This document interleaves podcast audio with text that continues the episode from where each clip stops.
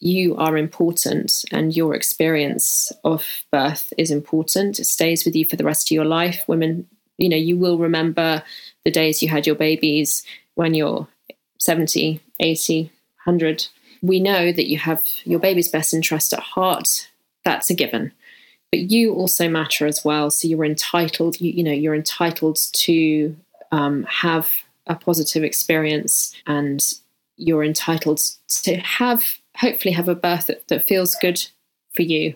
Dit is Millie Hill, auteur van het boek Mijn lichaam, mijn baby, mijn keuzes. Bevallen als een feminist. En je luistert naar Mama en de podcast, seizoen 3. Wat is de rol van je intuïtie tijdens de zwangerschap? Hoe werkt ons lichaam tijdens de geboorte? Waarom is het tijd dat feminisme de bevalkamers overneemt? En wat kun je als partner nou het beste doen om je voor te bereiden? In het derde seizoen van Mama en de podcast ga ik, Nina Pierson, samen met deskundigen op zoek naar antwoorden op deze en meer vragen. Om jou te ondersteunen en te bekrachtigen in de transitie naar het moederschap. Want naast een baby wordt ook een moeder geboren. En dat verdient minstens zoveel aandacht. Welkom allemaal bij alweer de zestiende aflevering van Mama en de podcast. Mijn naam is Nina Pierson en ik ben jullie host van deze podcast. Ik ben moeder van dochter Ella en Bodhi en zwanger van ons derde kindje. En qua werk ben ik ondernemer. Samen met mijn man run ik de biologische saladebar Sla. En schreef ik afgelopen jaar het boek Mama. Mama is een 440 pagina tellend boek over female empowerment tijdens deze bijzondere fase, de zwangerschap, geboorte en kraamtijd. En ik onderstreep daarin het belang van zelfzorg.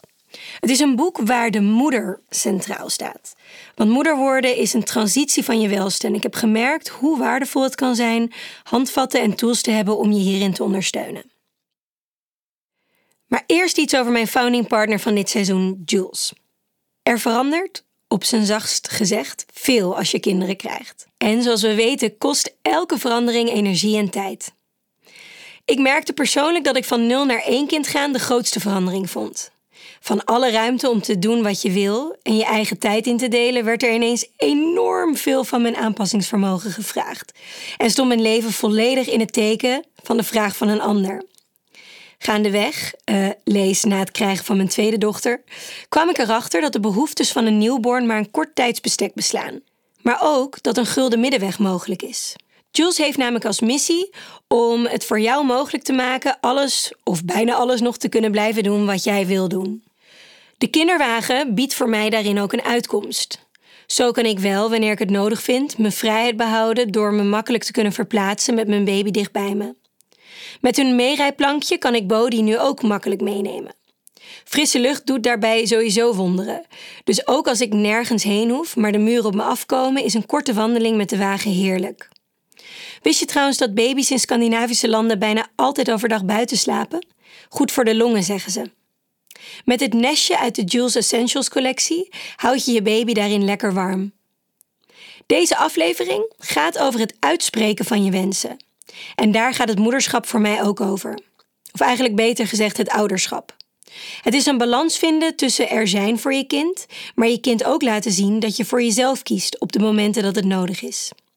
En daarom kunnen we best wat ondersteuning in de vorm van een fijne en praktische kinderwagen gebruiken, vind je niet? Iets anders leuks waar ik jullie ook nog over wil vertellen is de Birthflower collectie van het Nederlandse sieradenmerk Oerum. Ze hebben namelijk hangers gemaakt van 18 karaat gerecycled goud met daarin gegraveerd een bloemetje van een desbetreffende maand. Een super originele, maar ook subtiele manier om bijvoorbeeld de geboortemaand van je kindje bij je te dragen. En met de code OERUMXNINA krijg je bij je bestelling nu een speciale limited edition mama en A4 poster erbij. Ga naar de website oerumdesign.com en dat spel je O-E-R-U-M design.com. En bij het uitchecken kun je de code dan invoeren. Oerum X Nina. Vandaag gaan we het hebben over een heel belangrijk thema waar ik persoonlijk niet over uitgepraat raak, namelijk de geboorte. Het is een moment in ons leven wat we de rest van ons leven zullen herinneren. En veiligheid rondom bevallen stond jarenlang centraal, wat super logisch is. Maar nu is het tijd dat de ervaring van de vrouw ook centraal komt te staan. Want bevallen kan een positieve en enorm bekrachtigende ervaring zijn. En dat gun je toch elke vrouw. Er is echt niemand, wat mij betreft, die ons hier beter over kan vertellen dan Millie Hill. Haar laatste boek, Mijn lichaam, mijn keuzes, mijn baby, is mijn bijbel van dit moment. Je zou moeten zien hoeveel oortjes en gearseerde stukken er in het boek staan. Ehm, en daarin vertelt ze eigenlijk meer over de manier waarop we bevallen. Um, en waarom dat een heel belangrijk punt voor op de feministische agenda is. We praten over hoe we het geboortesysteem zo kunnen inrichten dat het de barende vrouw centraal heeft staan, zodat we daarmee ook de kans op een positieve en mooie ervaring vergroten. En ik kan echt niet wachten om haar kennis met jullie te delen. Belangrijke side note: we doen deze hele aflevering in het Engels, want Millie spreekt geen Nederlands. So, welcome, Millie. I am so excited to have you here on my podcast. Um, so, first of all, a big Thank welcome. Uh, thank you so much for having me, and thank you so much for doing it in English because we wouldn't get very far if we were doing it in Dutch. I have no. to be honest. I see you, you, have good translators because, of course, the the reason that we're here and the reason why I'm so excited is um, I've been reading your book, uh, "Birth Like a Feminist," um, the English version, about a year ago, and every page I was turning, I was like, oh, this is so interesting. This is so interesting because it was the first book that really gave me a perspective or a context of the area, the field, or yeah, a birthing system and the, the field or the circumstances in which we birth. Uh, yeah. And now so I decided to text you on Instagram. I was like, okay, Ken, do you want to be in my podcast, even though the book is in English? And then it was such a coincidence because your book just recently came out in the Netherlands. Yes, literally just a few weeks ago, it was published um, in Dutch. And um, my other book, um, my previous book, the Positive Birth book, is also published in Dutch. Yeah, by the same publisher. Positief over bevallen. I also, right, yeah, uh, yeah I, I, recommend it in my book. We're going to talk all about it. Before we're going to dive into all these questions that I have for you, um, yep. just a, a, a, brief introduction. Um, I would like to introduce you to our listeners, to my listeners, uh, through uh, three questions. Okay. Um, let's okay, start with. But I'm dreading actually. no, it it will be fine. It will be fine. I don't know the answers to these questions. No, no, I, I will. I will. what What is your why in your career? Why are you doing what you are doing? Oh, that's a really good question. Um, I think it's because um, at heart I've always been um, a feminist and interested in feminist issues. Um, and when it came to my own first pregnancy, which was like, you know, 13 years ago now, um, it just suddenly leapt out at me that this was an area of women's lives that feminism didn't seem to be really covering as much as it should. Um, and I felt really upset, really. I suppose that's what still motivates me is when I hear other people's birth stories and I feel that they got a raw deal out of their birth experience. I feel sort of, I feel like that motivates me to, this has got to change, you know. So that's kind of like, that's the why for me, hmm. really. Yeah. And how did you come to write these bestseller books? Were you always a writer? well, I've always loved words and loved writing and I did a degree in English literature but I didn't write for a long time. I probably should have done you know if I could live my life again I'd probably really push myself as a writer much earlier on in my life but you know I just didn't for whatever reason. Um, so it wasn't until I became a parent and then when my my second after my second baby was born um, I wanted to do something creative and to feed my, you know, that that other part of yourself that parenting mm. very small children doesn't really feed. And so I started writing a blog.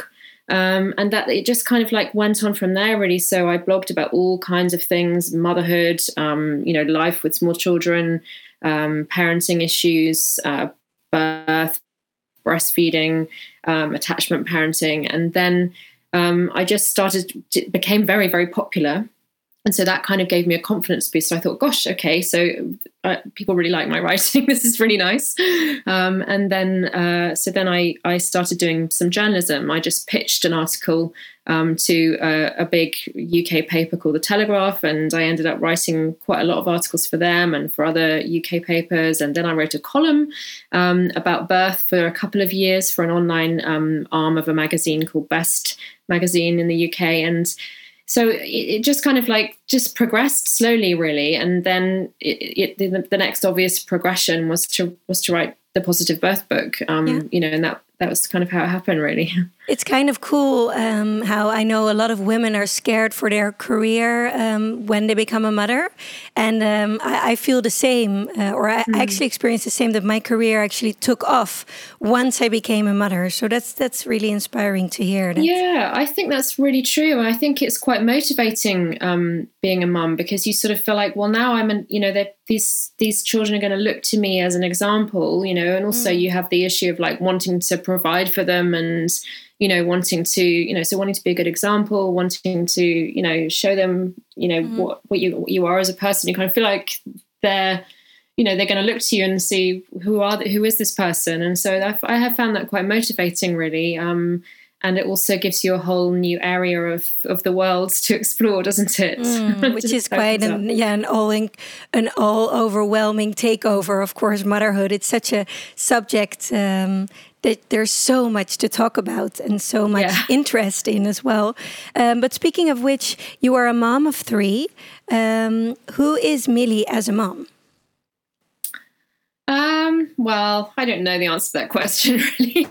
We should ask children. I think I'm yeah, you know, I mean, I said to them this morning. I, I, I, you know, I asked them, uh, you know, what they thought about this this question, and they they didn't really they didn't really know. They were just like, oh, the I'm I'm your they all wanted to be my greatest achievement. I was like, well, what's the best thing I've ever done as a mum? They were like, me, me, no, it's me, no, it's me.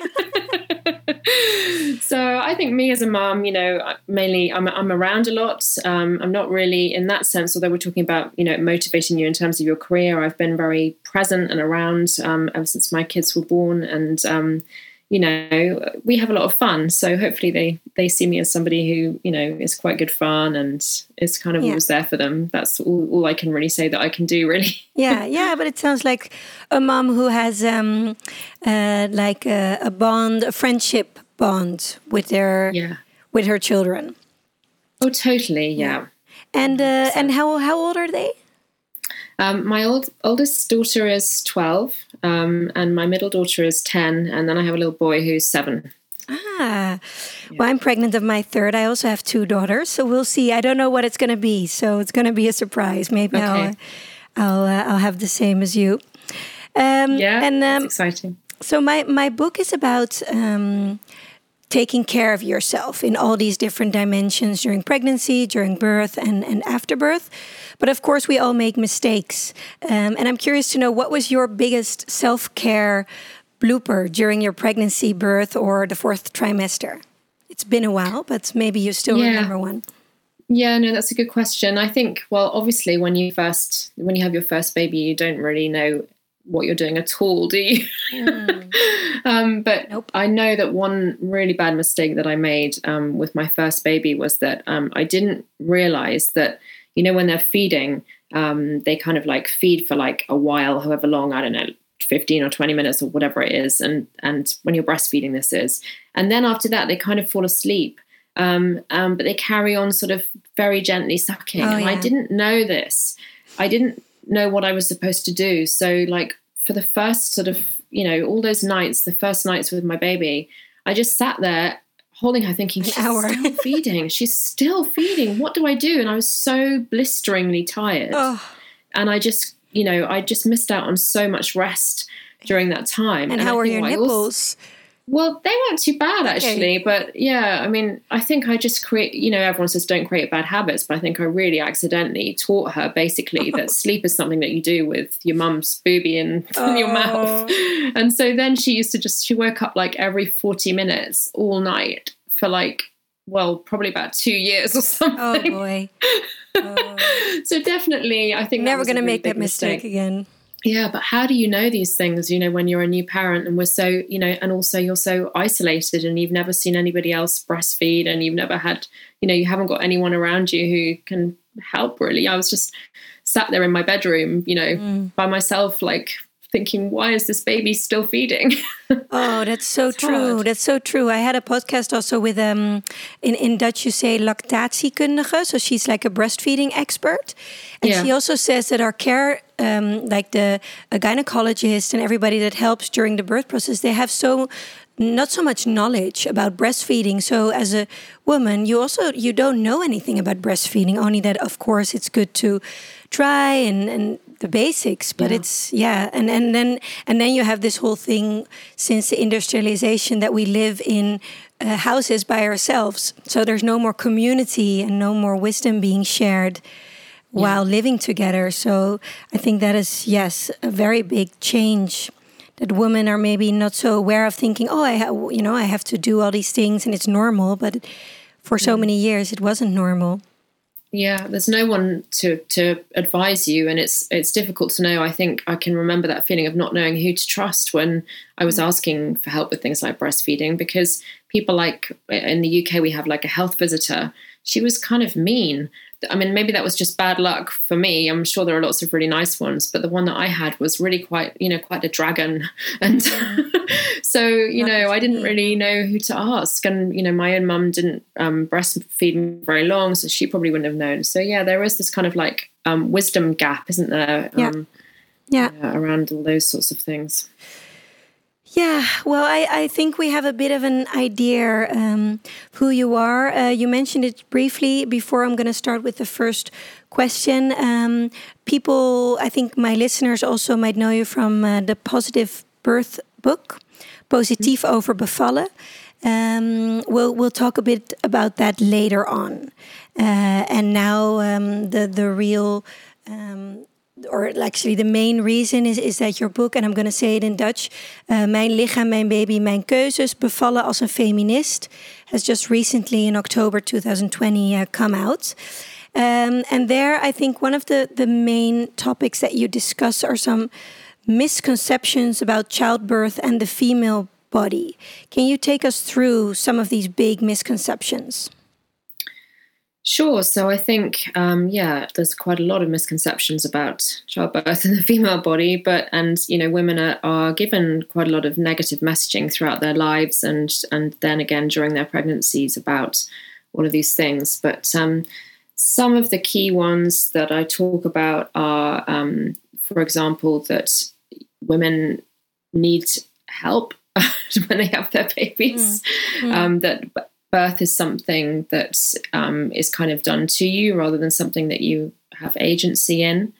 Um, another one is that uh, birth is completely unpredictable, um, and so therefore there's no point in really putting any focus on what happens. Um, yeah, there's no point one. making a plan. You yeah. just have to go with the flow. There's so um, much Dutch day. media as well writing about that as well, like uh, thing you, that you have that, that by preparing that you have these raw this um, um, idea that everything is controllable and in, in Dutch maakbaar so that you can create your own life or something and that birth isn't that? But yeah that it's it's really interesting isn't it? And it's like um, you know women who do try to take um, control in, if you want to put it in those terms of of their birth are quite often mocked. Um, and birth plans, I don't know if this happens where you are, but in this country, birth plans get joked about as well. And, you know, I've even caught obstetricians on Twitter joking about birth plans and saying, you know, oh, you know, it, it's good if they're laminated because then they're really useful, um, you know, in, uh, in the theatre, operating theatre. And, you know, it's, it's, it's a funny phenomenon, and, and it, it, even happened over here to Meghan Markle, um, who is kind of the exact kind of woman that I think people have in their mind when they talk about this kind of. Um, well, one of the words that's been used about it in in this country is a birthzilla.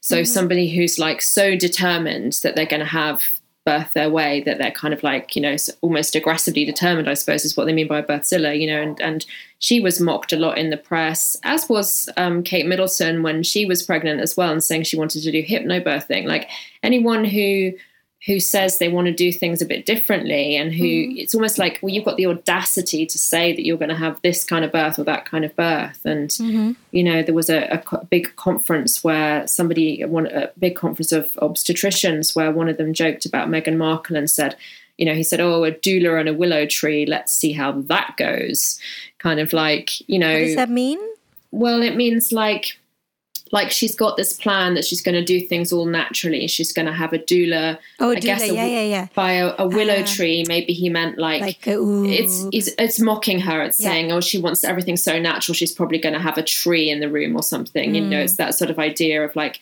a, this diva who wants everything a certain way. Like, get me a willow tree, get me a doula. I'm going to have this birth this my way, and you know, and everyone laughed at this this joke, you know, and it's it's like women who want to take control in that way are joked about and belittled. And it's um, seen and yet, as abnormal.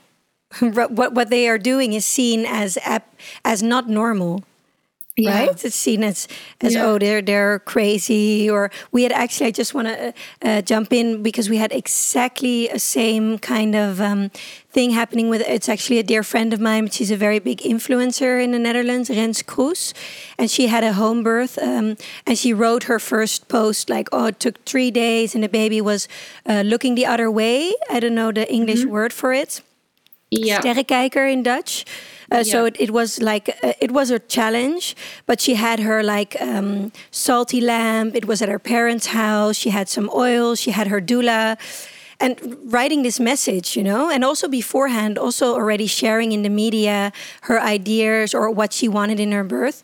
And then they were like, oh, the, the people responded. Also, bigger journalists like this is gibberish.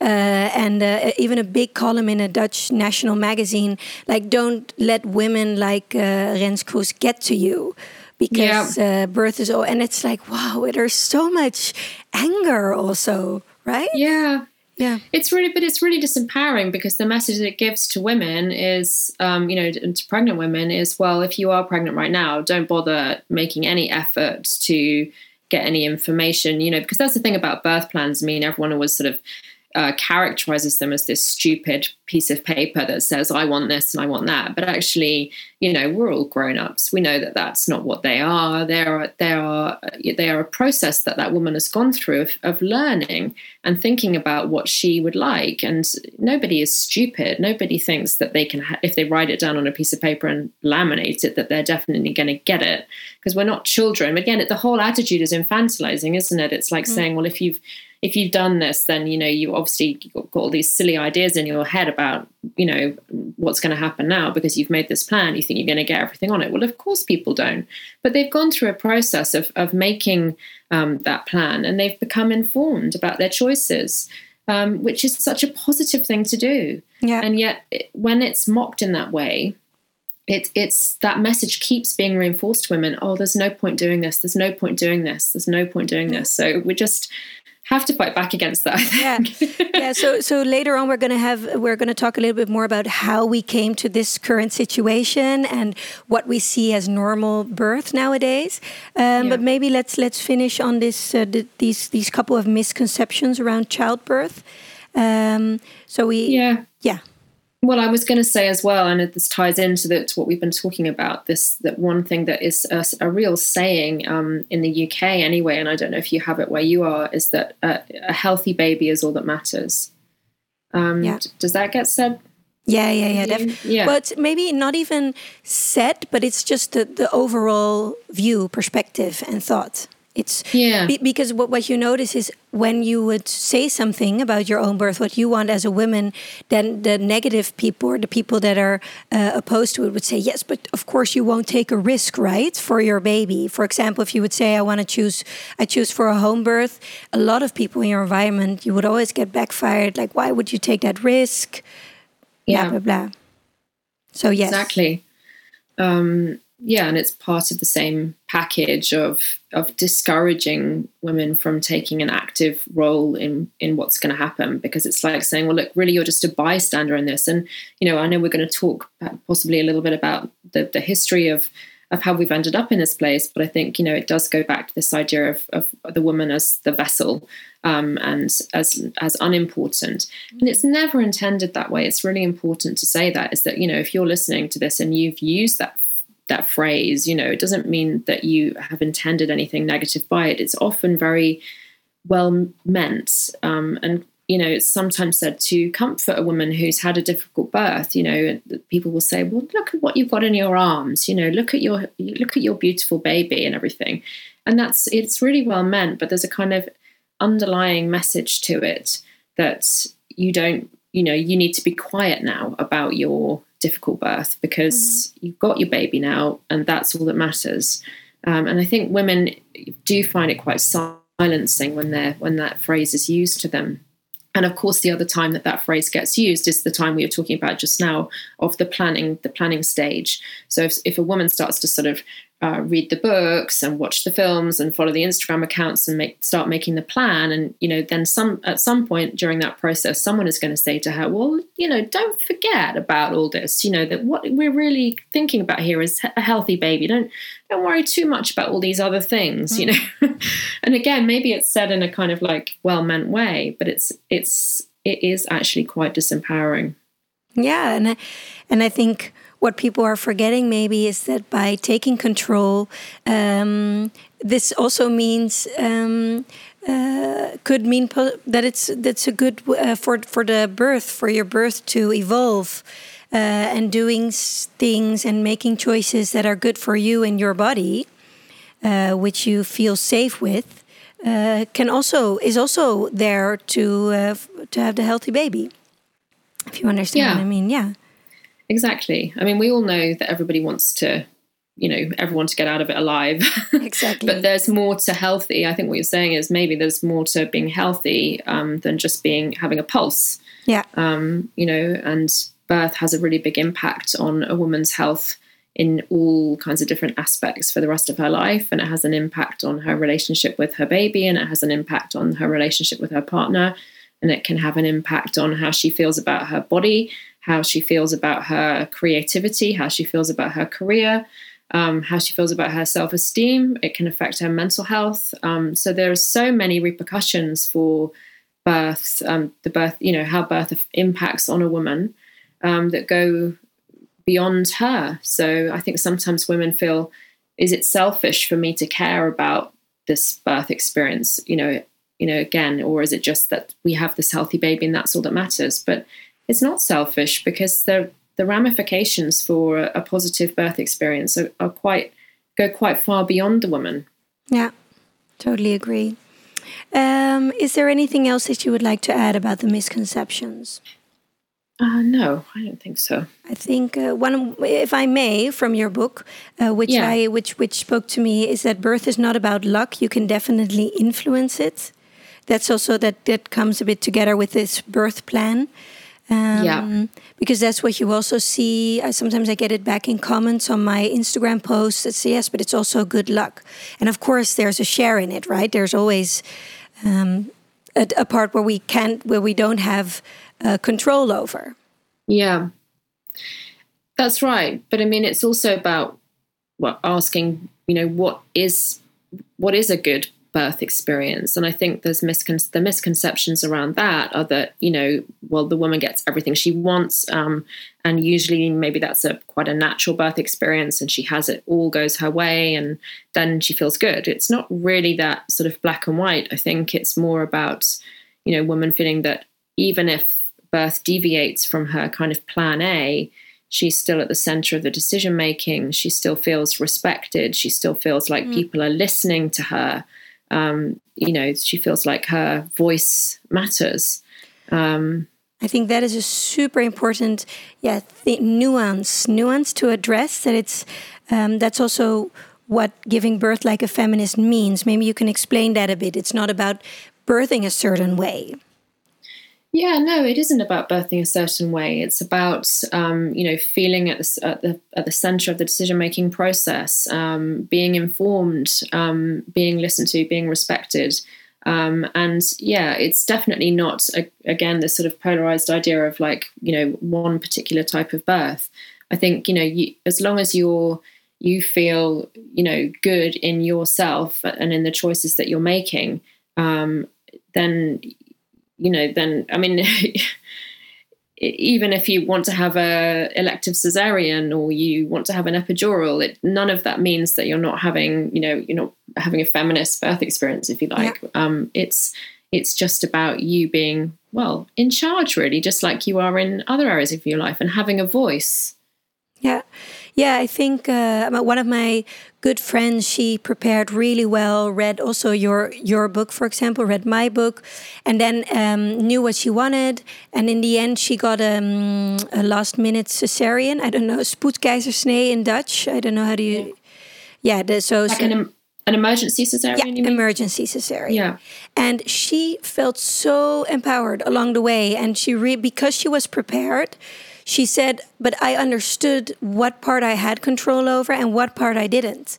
And there was yes. these conversations between her, her and and the gynecologist, and she said, I. I feel I felt so empowered actually after the even after I had this cesarean, which of course I didn't plan for. Um, yeah. Is that the key to having, or one of the most important keys in having um, an empowered birth um, to prepare? Yeah, I think it is. I think preparation does really help because you know you can't be included in in the decision making if you don't really know what the choices are and you don't know what's you know what what your options are. So I think it does really help to and also to you know when it comes to birth plans, for example, to think through um, the different scenarios. So I always um, encourage people to make a plan A, but also then to think about plan B, plan C, plan D, you know, um, to, to make a full cesarean plan, even if they absolutely 100% don't want to have a cesarean. Um, because I think all of those things can, you know, take you down routes of thinking, you know, and then you start to realize, well, actually, even if um, this doesn't happen and this doesn't happen, I can still maybe have um, uh, skin to skin when my baby is born, or that can be like a really triumphant moment, even if you've had a really difficult labor and ended up having an emergency cesarean. You know, having that moment where you know you have skin to skin with your baby afterwards, which sometimes you do have to push for um, and and make sure you ask for. Unfortunately, it doesn't always come as a given. So, um, you know, things like that. Um, what elements can you take forward? You know, through all these different scenarios, um, knowing those things can be really helpful. Yeah. Um, and, you know, like, you know, there, there, there, are some things that, you know, you can just think about. Like, for example, the, I think one of the most difficult types of birth to have is a general anesthetic cesarean. So that's if, you know, really things don't go well at all, you know, and you end up having your baby under a general anesthetic. Mm, narco, um, like that you that you're not there aware.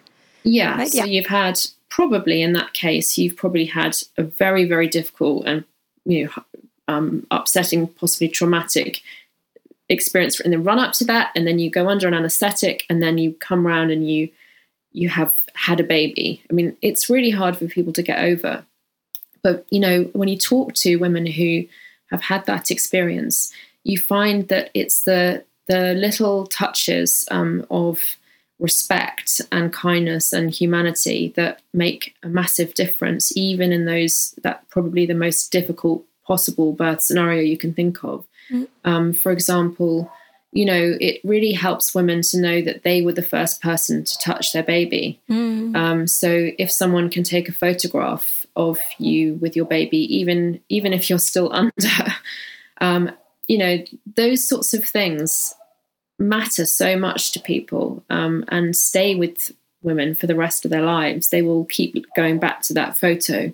They will keep looking at it and they will draw so much from it, so much comfort from it. Mm. So, you know, even in an extreme situation like that, yeah, it's a little. Um, the woman and her needs and her future memories of what's happened, if they're at the forefront of other people's minds and the people around her have empathy um, then that can just be so transformative, I think. Yeah, uh, at least are, are aware of the fact that it's the woman giving birth. And then because you you you can um, there are a lot of caregivers uh, or gynecologists verloskundige midwives in in Holland of course that have the best intentions but maybe aren't uh, yeah they're thinking about the the healthy baby. Yeah. Uh, yeah Another really good example we're sort of slightly straying off um, on, on a tangent but another really good example of that is um, you know in in my book um, I, I talk about um, this this guy who's an obstetrician in the UK who's got quite a good reputation for doing really woman centered cesareans. Um, so much so that I actually know a woman who traveled like an hour and a half to have a cesarean with him because he does such wonderful things. Hmm. Um, and all of the things he does are driven by empathy. So, for example, um, one thing that he does is that when the woman is being catheterized, he makes all of the other team because there's quite a lot of people in the room when you have a cesarean. Yeah. He makes all of the people in the room come and stand by her head. Hmm. Um, and you think, you know, quite often when I tell people that, you know, they say, "Well, why?" You know, like as if that yeah, yeah. what's the what's the clinical reason? You know, like is there some medical thing going on that I didn't really know about? Like, why do they have to stand by a head? It's like no, it's just for it's just out of privacy. respect. Yeah. It's just out of empathy. Wow. It's just because they're putting her at the center of what's happening, not their medical clinical needs, mm. not their how quickly they want to get in and out of the situation or whatever. They are thinking about the woman. Um, yeah, that's such number a beautiful one. example. And imagine how that feels as the woman to know that all of those people are making that gesture for, for you. Yeah. You know, it yeah. really does. It's quite moving when you think about it, isn't it? Yeah, it really is, and it's really such a small, um, uh, a relatively small gesture, but with a big impact. Um, yeah. What I find interesting, of course, is uh, a lot of women say, "Yeah, well, birth is a natural process, a physical, physiological process. So um, why should you prepare then?" Or there are some women that that think like that. But then, of course, why should we prepare? It's because we are birthing within a a, a, a system nowadays. Yeah. Uh, so let's talk a bit about that system, but maybe first, how did we get there? So um, the history of childbirth. Uh, uh, how did I think you have a really good phrase? How did women's bodies become men's businesses? yeah, I wrote a, a, whole chapter about this in Give Birth Like a Feminist. Um, and it is really, really interesting um, when you look at you know, when you look at the history it's sort of a bird's eye view. So basically, you know, we don't really know when we go back like hundreds and hundreds and hundreds of years, we don't really know very much about, um, you know, what birth was like. Um, but you know, you you can imagine perhaps that we at some point had a more um, woman-centered culture. Maybe some people say even like a, a goddess culture. Mm-hmm. Um, you know, where there was more um, more um, awe and respect for the feminine, and that if body. you look, yeah, yeah um, at the woman as you know, uh, the life giver, um, and how powerful that is. Um, and obviously, you know, Christianity bring and brings in the sort of you know gets rid of that kind of like sense of the sort of goddess culture um, and becomes much more of a sort of patriarchal culture. Um, and in, because they talk more about um, Jesus and God, which you worship, right? And the the women in yes, it's the Father. Mm-hmm. Yeah, the divine feminine. Apart from in the Catholic Church, we have Mary, but she's not uh, God. She's only a you know she's not she's not at the, the top level. yeah, yeah, yeah. so it's it's a very as we know it's a very patriarchal religion. So you know going back to like the the 15 if we sort of just go along the timeline of, of, of birth through the through the centuries really then the sort of 1500s where you did have um, women who were um, the wise women if you like of the village or the community um, who would know about herbs and who would who would be the person who was there with the dying with the sick um, and with women in labor. Um, they were very much um, they were very much swept up in the witch hunts of the yeah. of the 1500s and um, and uh, you know they were you know they were it was it's they were persecuted we, we know that you know, many, many women were persecuted, tortured, burnt, and, um, you know, terrified into silence during that period of history, and that many of them were what we would now think of as midwives. Mm. Um, and as that had progressed, um, if men started to assert themselves as the scientific experts um, versus the old wives, the woman, the witch. And it's really interesting when you think about that that moment in history when actually men coming into the the, the area of, of healthcare and childbirth were actually doing some really interesting things and bringing some really good and helpful ideas. Again, we don't want to be polarized here and mm-hmm. say all the men were all the baddies and the women were all the goodies. And the women had a whole heap of really interesting wisdom to offer. And it's a shame, really, that they, the two sides, if you like, couldn't have helped each other yeah. at that point in time. There couldn't have been coming together then. They couldn't coexist. No, but yeah. instead, basically, women were, you know, pushed out um, of the bathroom and were just belittled and, um, you know, like I say, sort of conceptualized as this sort of, you know, witch or the old wife. And then coming forward into the into the 1600s, um, there were these people that called themselves barber surgeons, and actually, they were they were the reason they got involved in childbirth was because they had some really good tools that kind of were good for a, basically either a haircut or oh my god or or or an episiotomy. So um, haircut down below. yeah. and then a little so, bit more. Wow. Yeah. Yeah. So, and that that was the same time that women were started to be placed on their back, um, and that was uh, initiated as well by um, Louis XIV in France, who people think maybe even had a slight fetish that because he liked to watch his mistresses giving birth, and so he they had to give birth on their back. That so goes the story. Hmm. Um, but also forceps were um, invented around that time. What is a forceps? Forceps are like um, the metal for like a sort of tongs the baby out. To, to, take the baby yeah, out. For yeah, which is, in Dutch. Yeah. Yeah, still used today. Yeah. Um, and I think with the invention of the forceps um, and some of that um, stuff, uh, it, people started to realize, men started to realize that there was money to be made um, out of birth as well. So it became, you know, I don't know if you've seen, the, there's a great movie called The Business of Being Born, um, you know, so even now, from to, I think a documentary by Ricki Lake. That's right. Yeah. So I haven't seen it, but I read it in your book. Yeah, it's a good, it's a really good film to watch. I mean, it's obviously it's about the modern day, but I mean how money, you know, is is involved in the decisions around, um, you know, women's. Yeah, so the pharmaceutical industry, for example, right? The influences yeah. of that in birth, in the birth room, yeah. and yeah.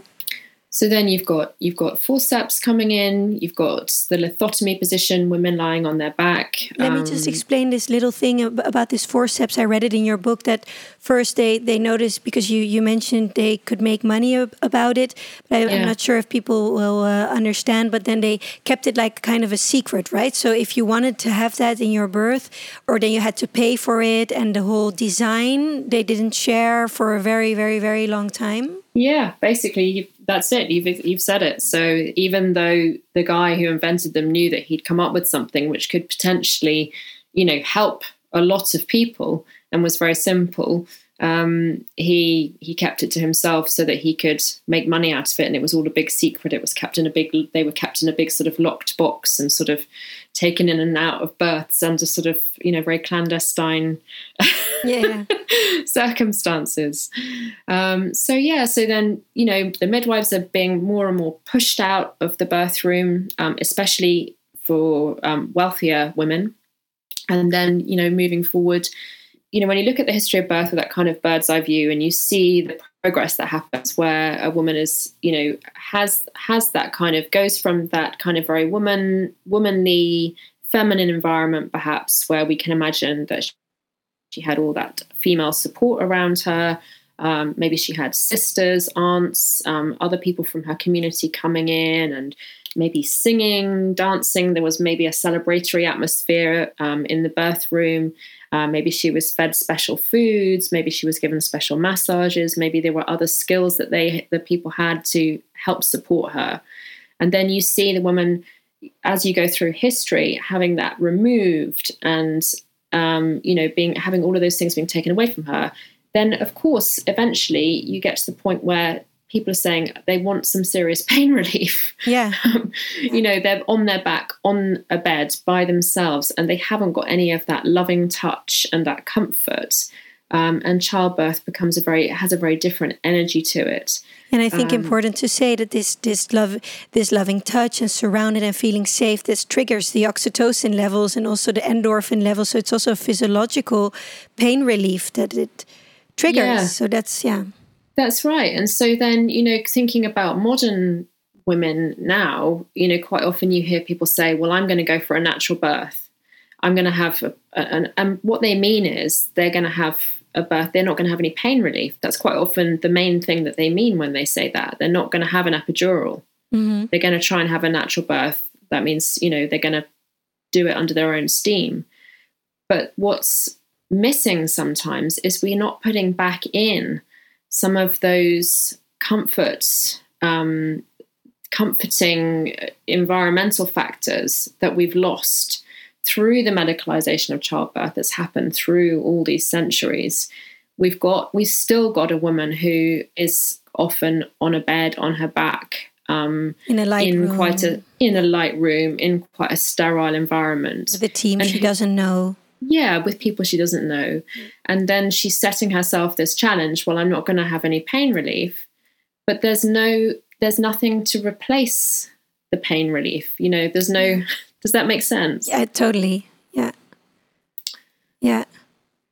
Uh, I really love love the way uh, this this whole history um, part in your book. That how do you how you said maybe women um, became too powerful? Have you looked a woman who had an empowered birth in the eye?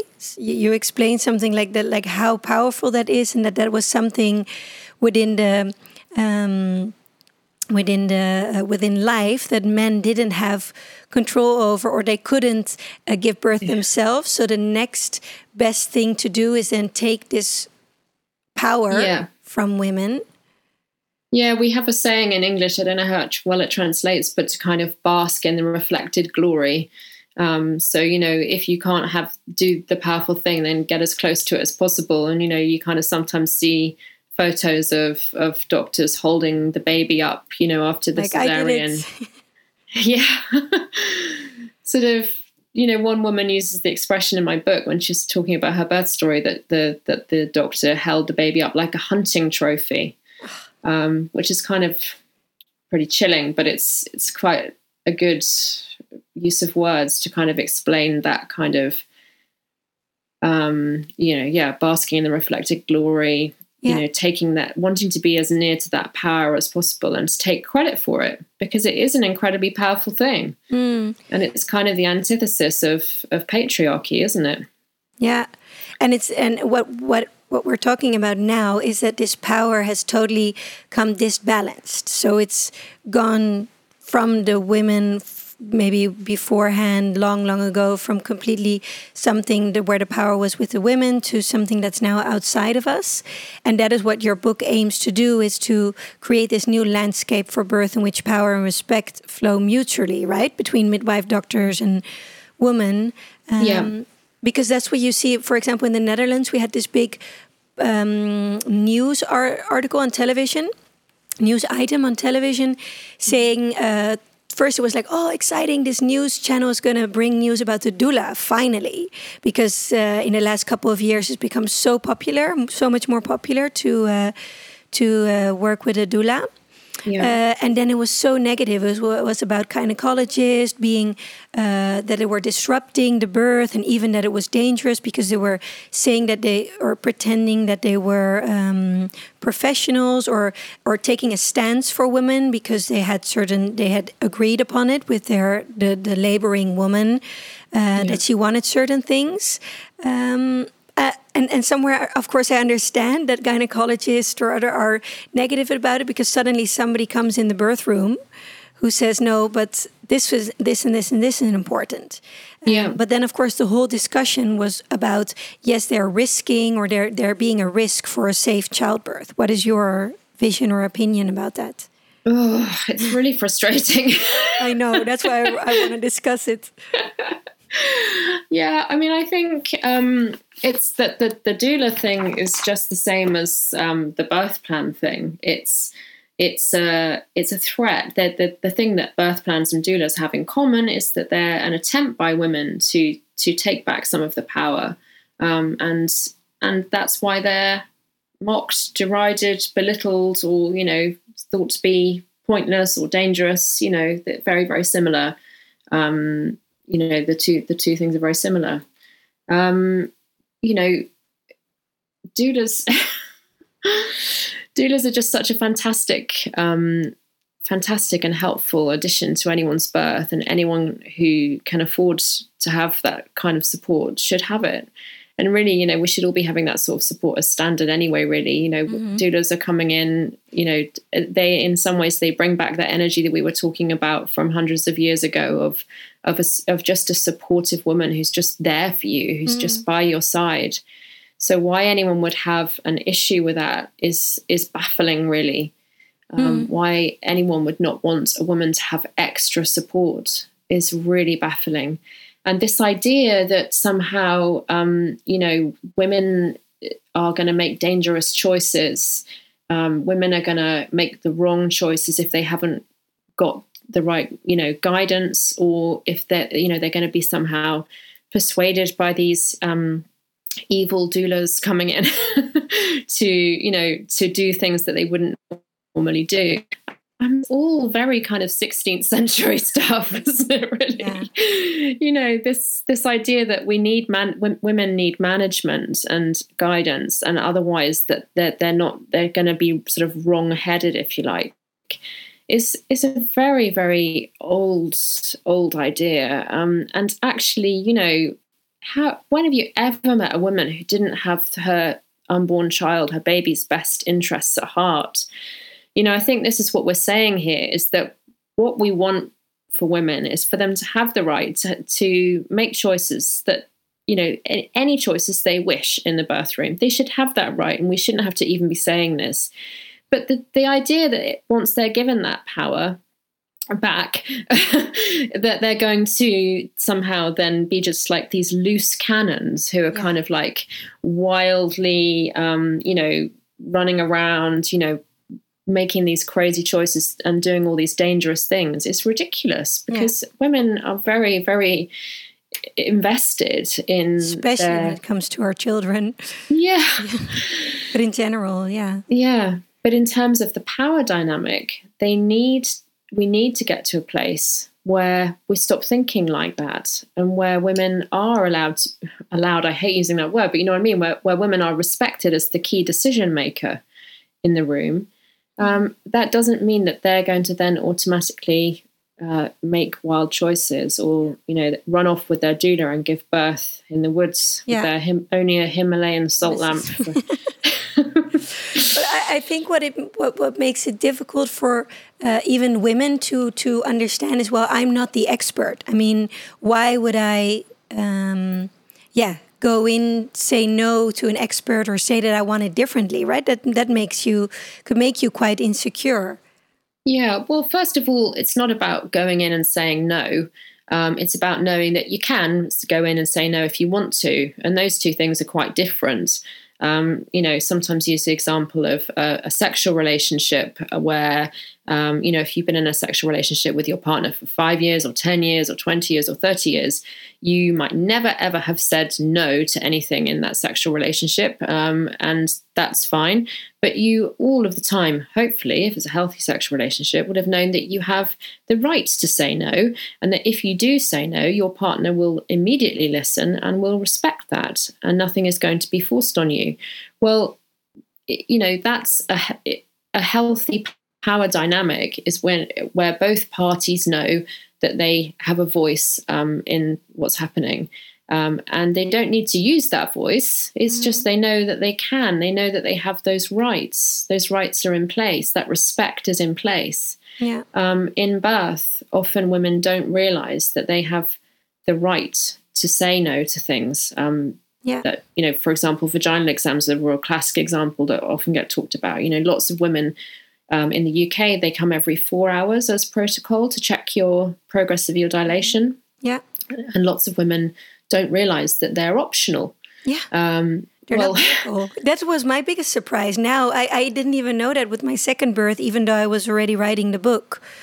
Yeah, and that's what I. That's what's so important to feel or or to know is that there are options. So there are certain yeah. protocols and standards, but it doesn't mean that that is the only option. There are yeah. there is, for example, also if you're being induced and you the, the doctor comes in and says, "Okay, I'm going to put in more oxytocin um, in your body because the the labor isn't progressing enough," then you can say, "Oh, but I feel I I will need some more rest, or I need another hour." For example, it's about that. Yeah. Right? It's about those Exactly. It's about knowing that you you have choices. You don't necessarily have to yeah. say no. You can have lots of you can have vaginal exams every two hours if you want. Yeah. Um, it's up to you, but it is really important that you know that they you know what's happening to you is up to you that you have autonomy in that situation and it's quite shocking that you do speak to i speak to a lot of um, pregnant women and families who who don't realize that they have that autonomy yeah. you know to not know that they can do that is quite a strange um, phenomenon and really symptomatic of, of this um, imbalance of power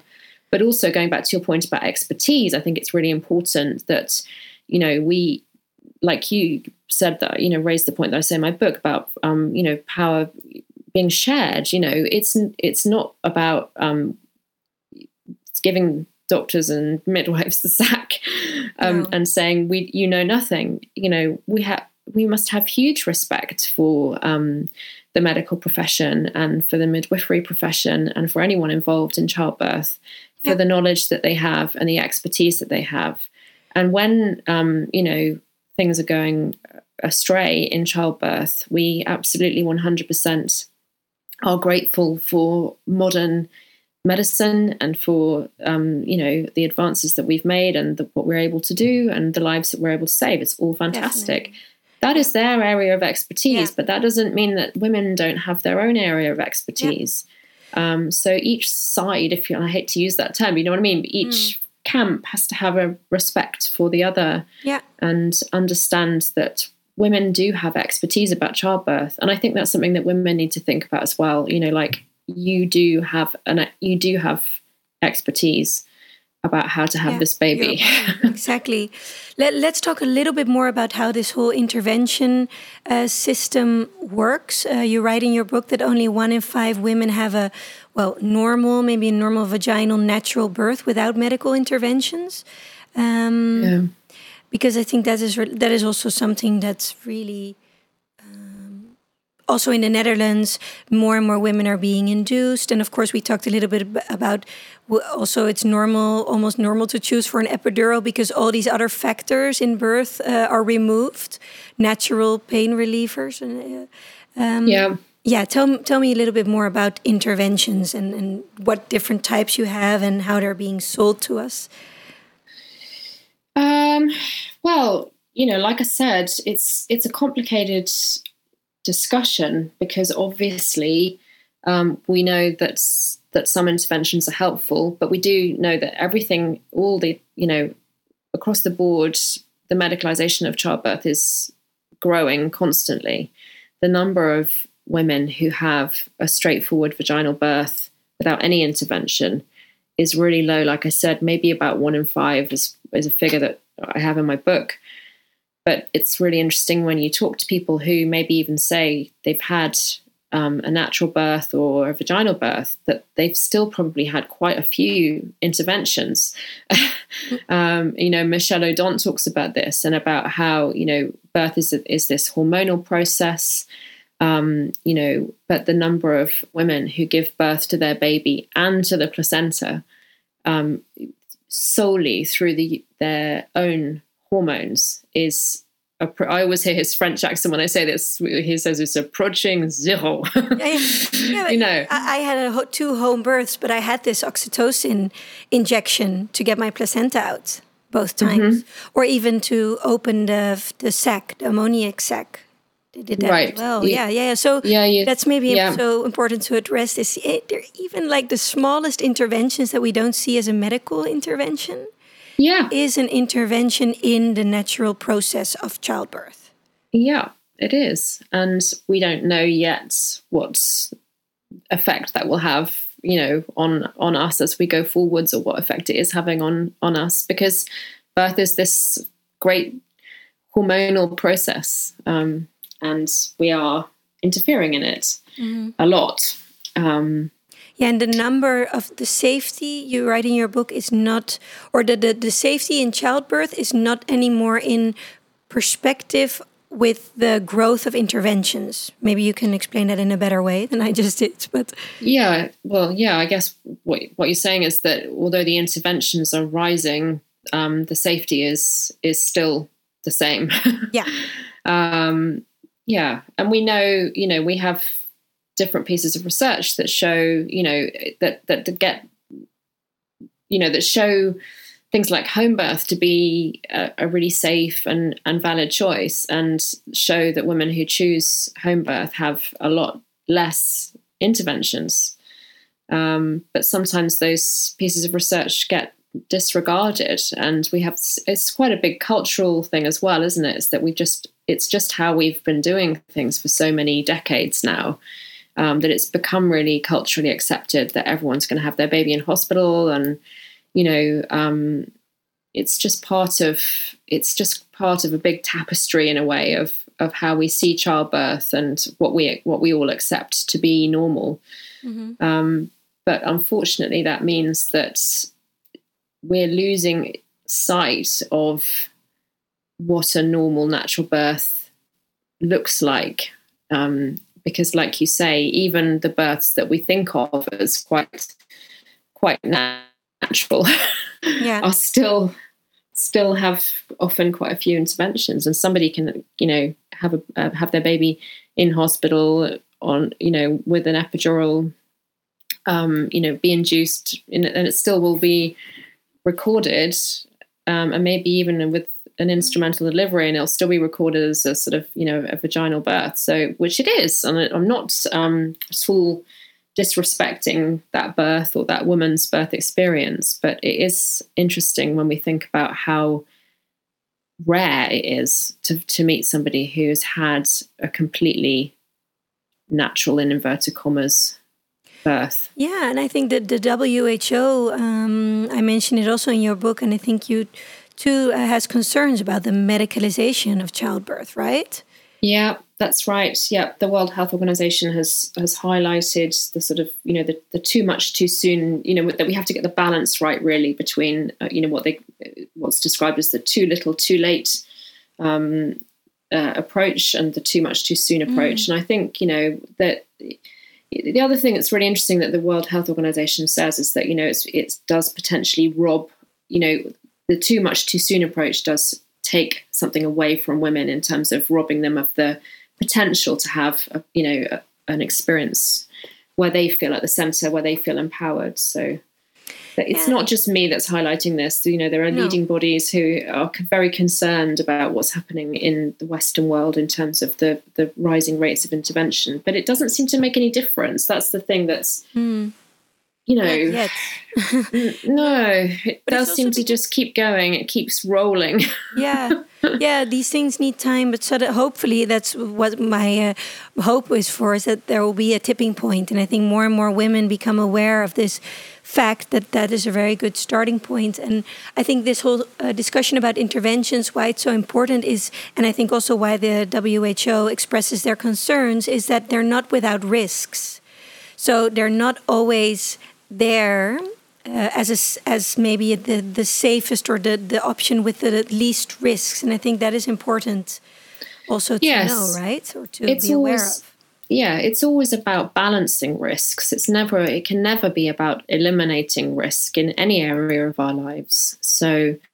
Um, Um, you know, for example, with induction, you know, we know that you know, as you get later and later on your pregnancy, well, certainly, um, you know, there is evidence to say that the risk of of stillbirth does rise very, very, very slightly by a very small amount. But you've got to balance that risk if you're pregnant and you go past your due date. You've got to balance that with, um, you know, how you feel and what you want, um, and how you know what kind of birth you want. Um, and it's a it's a difficult path to tread. Yeah, um, balancing risks because nobody wants to be the person that takes the stand against something like induction and then you know everything goes wrong. That's a really really awful scenario.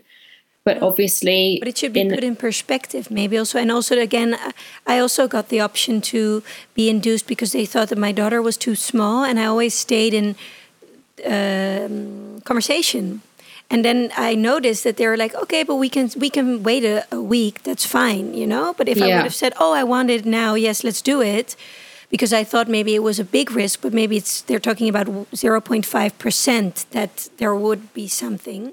Yeah. And, then, and that was really helpful. And eventually I could have a, a not induced birth, a natural birth. But it was not like, oh, I don't want to be induced, I'm going to take a risk. But I was surprised by that fact that the gynecologists um, were open for that and said, uh, yeah, we really had a conversation about it.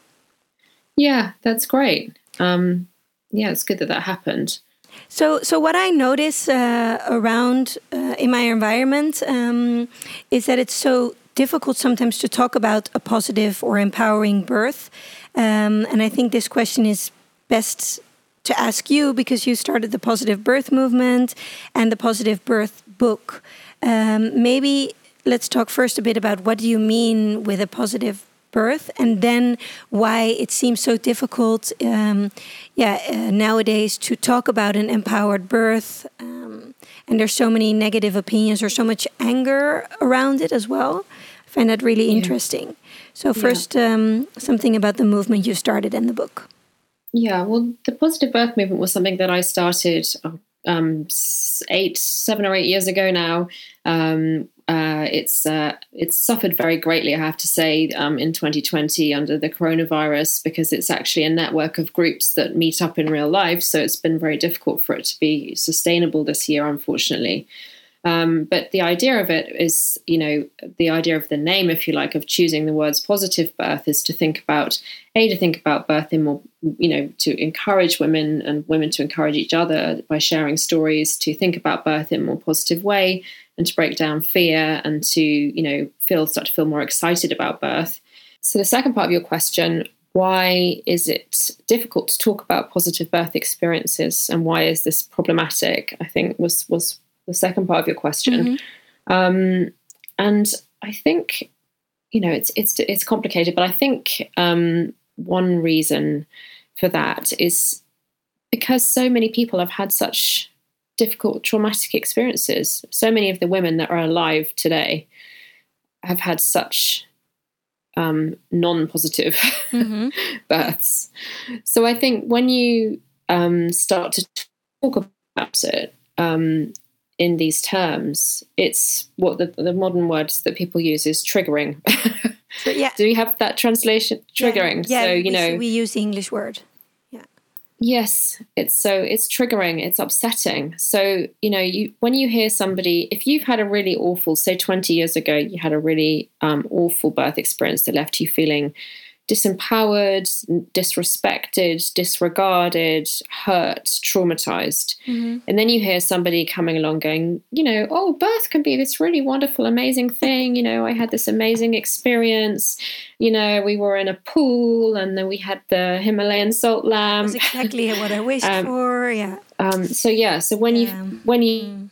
somebody tell a story of this amazing experience that they've had, you can listen to what that person is saying and say, you know, wow, that's that sounds really cool and interesting. But obviously, quite often our response is to to feel defensive um, yeah. and to you know to shut it down, um, to not want to hear the story, um, to not want to to feel the emotions that arise in yourself when you hear that story. mm-hmm. because you've either got to accept that you know you've got if you if you hear that story and and believe it you've got to accept that birth could have been different for you. Yeah. And and i think the feeling that, that arises a lot with women is that guilt as if they could have because that's what what i get back to, uh, again also women saying yes but when you talk about uh, this cer certain type of empowered birth then i feel a sense of guilt that i didn't do it well enough or something but it's not about that, right? It's not about. No, it's 100% never ever about um, making anybody else feel bad for the choices they made or what happened to them. And, you know, it almost certainly wasn't that person's fault that they had that difficult birth experience. Yeah. Um, it's a, it's system failure, not woman failure that we're talking about here. And the system has been letting women down for decades um, when you think about how women have been treated in childbirth in the past, you know, 50 years, it's really quite shocking. Um, and it's not um, over even in, you know, in the Netherlands or in the UK, and it's certainly not over in other parts of the world. For example, some countries in Eastern Europe, you know, they're, they're, the the disregard for um, a woman's feelings and the woman's experience is still quite widespread, unfortunately. Yeah. Um, and, you know, too many women are still coming to the other side of birth feeling really shell shocked and hurt. And that is, like I said at the beginning of our chat, that's really what drives me because that's not good enough. It's not right. No. Birth doesn't have to be like that. No, totally agree.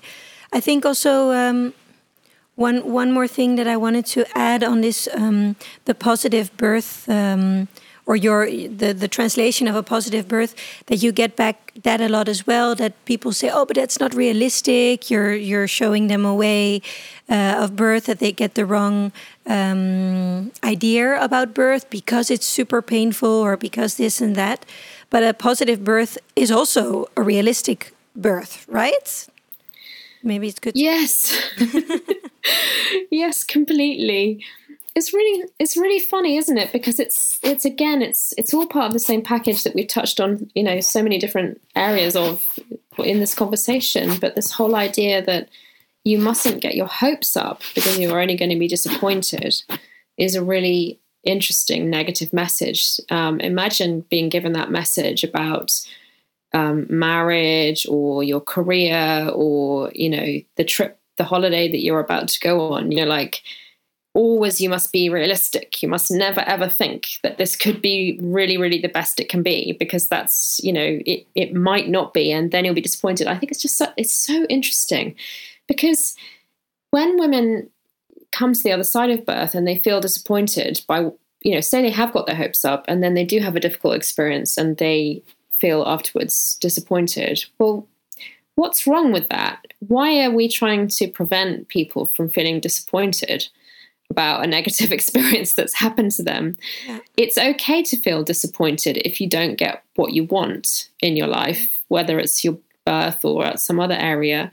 That's a normal human response to feeling, you know, that you didn't things didn't go according to plan. Mm-hmm. It's um, so postnatal emotion is another really huge and fascinating area. And I think sometimes women carry the blame, like you said. Um, you know, they feel, um, well, I shouldn't have made the plan because they get all the messages in the in their life and in the run up to birth. Oh, you know, you sh- you must you shouldn't really make a plan. It's pointless and all this kind of stuff. If they actually fight back against that and they do and then they still end up having a, a, traumatic experience then they feel afterwards the reason i feel traumatized now is because i shouldn't have i should have listened i shouldn't have got my hopes up i shouldn't have made the plan I shouldn't have put the salt lamp in the corner. I shouldn't have, you know, hired the doula. It's my, I, I was silly, and that's why I now feel bad. But actually, that's like, you know, victim blaming because actually, the reason, the reasons that woman feels bad are probably much more bound up in the way she was treated, um, the way she was, you know, the way that her care panned out, and what happened, you know, what happened in that room, and how perhaps she was spoken to, um, and maybe, you know, that she wasn't put in a situation that was conducive to giving birth. We haven't really talked much about this, but this is another feminist issue. You know, why are women being expected to give birth in rooms that are not designed for mammalian birth? Yeah, oh, you know, I mean, subjects. Yeah. You know, it's that is setting people up to fail. So, yeah. you know, the system that, that provides it, the system needs to take a look in the mirror and ask itself why so many people are coming through feeling traumatized and disappointed and everything on the spectrum in between disappointed and traumatized. You know, the system needs to be asking itself some tough questions about that rather than the woman having to sit there and think, oh, why did I get done different? What could I do different? Yeah, exactly. Yeah. Oh, that is so interesting. Um, I'm actually doing a whole podcast on the whole phys- yeah, mammalian birth, uh, zoogdieren, and it's the Dutch word that that mm-hmm. it's so influenced by our environment, and then what yes. factors influence it, and and how that's come, how the way uh, a hospital room is like you have now birthing hotels, which are a bit better, of course, and at home yeah. circumstances are also easier. But a hospital room takes away all these factors that make us um, feel uh, safe enough, or um, uh, how do you say, uh, uh relaxed enough in order yeah. for birth to take place. Um, so that is yes, such an important, such an important thing that you touch upon. Yeah, I mean, we're taking women and putting them in these circumstances that make it difficult for them to give birth, and then when they find it difficult to give birth, we're saying, "I told you so. I told you women's bodies didn't work very well, and they need intervention." yeah, yeah, so important. Yeah catch to be aware of catch 22 so okay the system has to change but we can all take um, be a part in that change what can we now do as or what can the listener do the woman who is going to um, give birth uh, what are your best tips to become more assertive in the birth room okay well i've got a few okay, good. we're all ears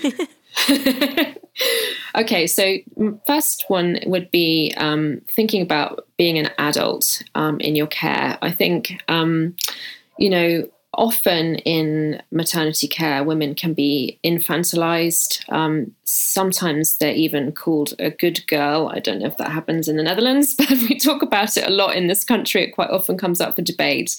This idea of, you know, um, the, the dynamic in the room being very much like parent child. So the health professionals play the role of the parent, and the woman is in the role of child. Um, and I think that's really, really unhealthy dynamic. So I think one thing that women can do to counter that is they can go into their maternity care and remind themselves that they're an adult, that they have you know a right to be there that they have a voice in the conversation they can stand tall and assert themselves and that they are entitled to having things properly explained to them. They're entitled to be you know to be given the evidence behind interventions and choices um, and you know that they're entitled to change care provider if they're not happy. All of these things you know literally standing up for yourself um, as an adult in in that situation Mm-hmm. Um, my second one would be know that you matter. Um, you know, that you are important and your experience of birth is important. It stays with you for the rest of your life. Women, you know, you will remember the days you had your babies when you're 70, 80, yeah. 100. Yeah. Um, so, you know, you we know that you have your baby's best interest at heart. That's a given but you also matter as well. So you're entitled, you, you know, you're entitled to um, have a positive experience, um, and you're entitled to have, hopefully, have a birth that, that feels good for you.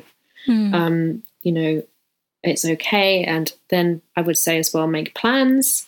Um, don't be told and dismissed that birth plans are pointless. Um, you know, it's okay to have a vision of what you want in your birth experience. Um, and it's really, really useful and helpful to get informed um, and to make a plan. Yeah, like a marathon, about. you you train for that as well. We, we we need to take birth seriously. We need to prepare and educate ourselves. Yeah, I think, and like you said earlier, particularly given the fact that we're giving birth in a system that is is often great, but doesn't always have women's you know needs at the center. So we need to um, you know go into that situation with some information um, and some you know some ideas about what we want. Um, challenge the language of permission is another one that I've got on my list. Mm-hmm. So um, the language of permission is this thing that I the name that I give for um, oh, I wanted to do this, but they wouldn't let me, or um, I wasn't allowed. Um, you're not, you know, you're not allowed to do this because X, Y, Z. There's a lot of that kind of language around maternity care of what you're allowed or not allowed to do. So just keep your ears pricked up for that. Mm-hmm. And, um, you know, you don't have to decline everything. You don't have to start a war with your care providers, but you are in, you are allowed. Yeah. it's really important to remind yourself of that and also to call you had it one, out. Uh, sorry, you had one funny um, uh, comparison in your book about the toilet. That, that that's one of the good things when you're at home and your care giver or uh, uh, like the, the midwife or anybody who is there on a visit asks you are am i allowed to go to the toilet and in the hospital you are the one that has to ask am i allowed to go to the toilet exactly so you're the permission seeker or the yeah. permission giver um, and it's really, really important that you are the permission giver in your birth room, whether whether you're in hospital or at home. You're the permission giver, not the permission seeker. Yeah. Um, know that there's no right or wrong way to give birth. Um, so giving birth like a feminist means birthing your way, not Milli Hill's way, not anybody else's way.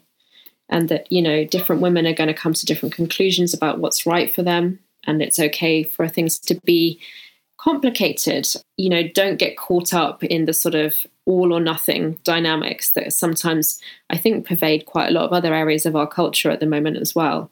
Mm. Um, you know, so the polarity, right? You were talking about that. Yeah. The polarity. Yeah. So it doesn't have to be, you know, free birth in the woods versus elective cesarean. you know, there are lots of other, and also your birth experience itself um, I think sometimes, you know, people feel like they're failing if, say, they're doing hypnobirthing, but then um, they they feel really overwhelmed and they're finding it really painful, or maybe they're making a lot of noise, for example, in labour. Um, you know, it's like well, that's not what you're supposed to do if you're having this kind of birth. So it's mm. like, mm, actually, let's it let's mix all these things up and let's remember that birth is like a kind of like a big landscape. You go through a really long journey from the beginning to the end of labor, and you're going to go through different emotions during that time. You're going to have different physical experiences. You're going to feel you know you might feel like you're really nailing it one minute and the next minute you might feel like you're really struggling. And that that's part it's a bit like life you know it's not like everything's one thing you know everything's mm. always on this perfect trajectory. Um, you know i had i can remember when i was having my third baby at home just really really struggling at times you know um, and i still had a really fantastic um, home birth experience, but it wasn't all great.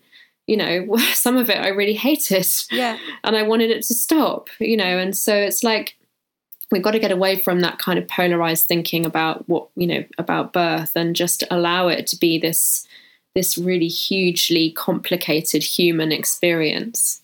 Yeah, I think that's really well said that that um that a positive empowering birth experience doesn't mean that it's painless. I also like yeah. it's it's all encompassing it takes over your body and of course you know there are moments that you think oh why or i'm totally finished or really really re it can be really challenging but yeah, yeah. that's yeah yeah and, and we live in a society where we always want things to go easy to go well to be good and it's a very maybe very big big big life lesson very yeah big life yeah. lesson as a woman that's this challenge which birth is um, can still it, it can be challenging but still be something very beautiful yeah absolutely and sometimes people i was going to say sometimes people sort of even try to put that polarity onto me as if i have said it you know it's like it's so strong it's so powerful this idea of of everything being one thing or another that people want me to, stand for that, even though that's not what I've ever said or what I've ever stood for. So I was thinking about, you know, in the positive birth book, um, I actually did some maths, um, which I'm not very. I'm not normally. I, I, didn't get the maths wrong in this case, but I'm not. No, maths isn't normally my area of expertise.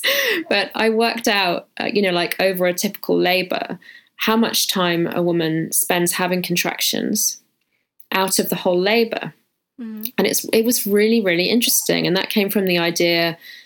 Uh, from my own experience of being in labour, of how fantastic I felt in between the contractions um, you know, and I thought, God, nobody ever talks about this. Everybody talks about, you know, the birth, even the birth classes, it's all about the contraction and how what's it going to be like and how you're going to get through it and what pain relief are you're going to use. So nobody ever tells you. yeah, nobody ever te- exactly. Some people think it is, and yeah. nobody ever tells you that in between the contractions, and okay, again, this isn't, po- we're not going to get polarized here. In some cases, the pain can be constant, especially if you have a really badly positioned baby or there's some other complication. But in a normal, straightforward birth where everything's proceeding as it should, you do get these breaks in between the contractions that nobody ever talks about.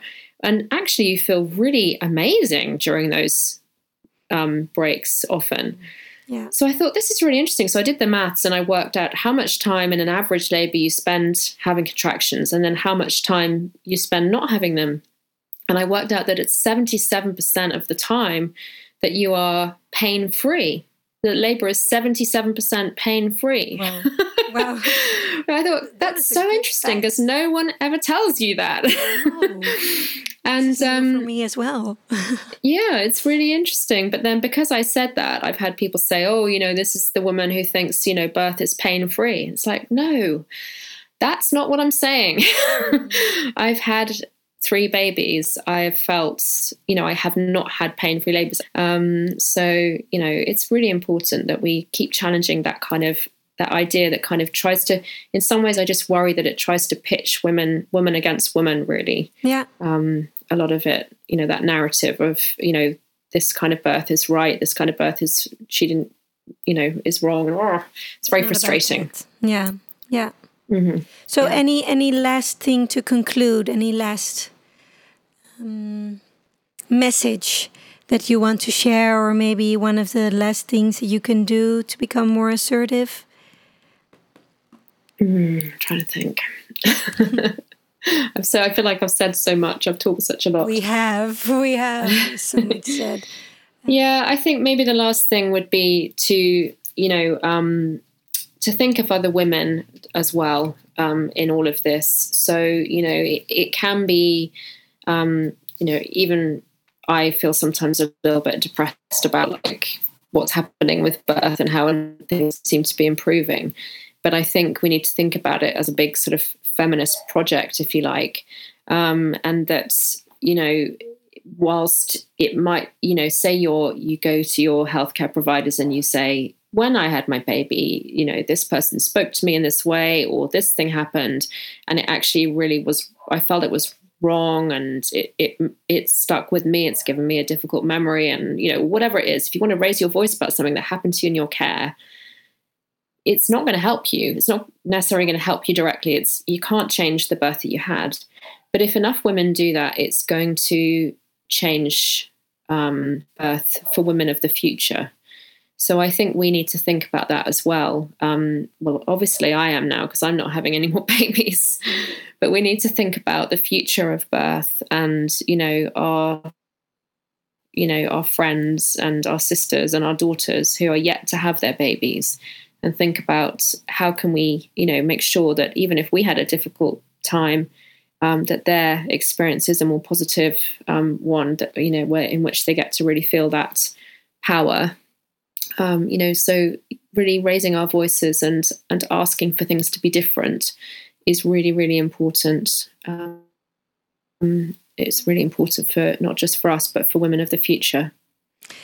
Thank you so much, Milli, for all this um, these insights and and all the subjects we we touched upon. I think they can make a huge difference um, in the lives of women. Um, we, we mentioned it already, but your book, uh, I'm a big fan. Um, in Dutch, Mijn lichaam, mijn baby, mijn keuzes. Bevallen als een feminist. Uh, I can really recommend it. I actually, my one of my best friends is just pregnant, and I sent the, a copy to her house as a gift. Um, but I can really, really recommend the book, uh, especially now when it's out in Dutch. Uh, thank you so much for taking the time, uh, sharing your knowledge with us. Oh, brilliant.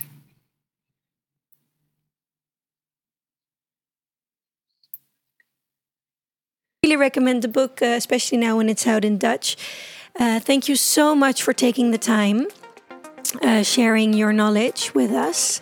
Well, thank you. It's really lovely to be invited and lovely to chat to you. Dat was hem weer voor deze aflevering. Ik hoop dat je er wat aan hebt gehad. Pak eruit wat voor jou van waarde is. En als je nou denkt, dit is super waardevolle informatie, dit zouden meer vrouwen uh, en partners moeten weten, dan ben je meer dan welkom om een review achter te laten op het platform waar je de aflevering hebt geluisterd. Heb je nou een persoonlijke vraag of een opmerking over deze aflevering? Weet dan dat je mij een berichtje kan sturen via mijn Instagram-kanaal, Nina Pierson. Veel liefs en tot de volgende aflevering.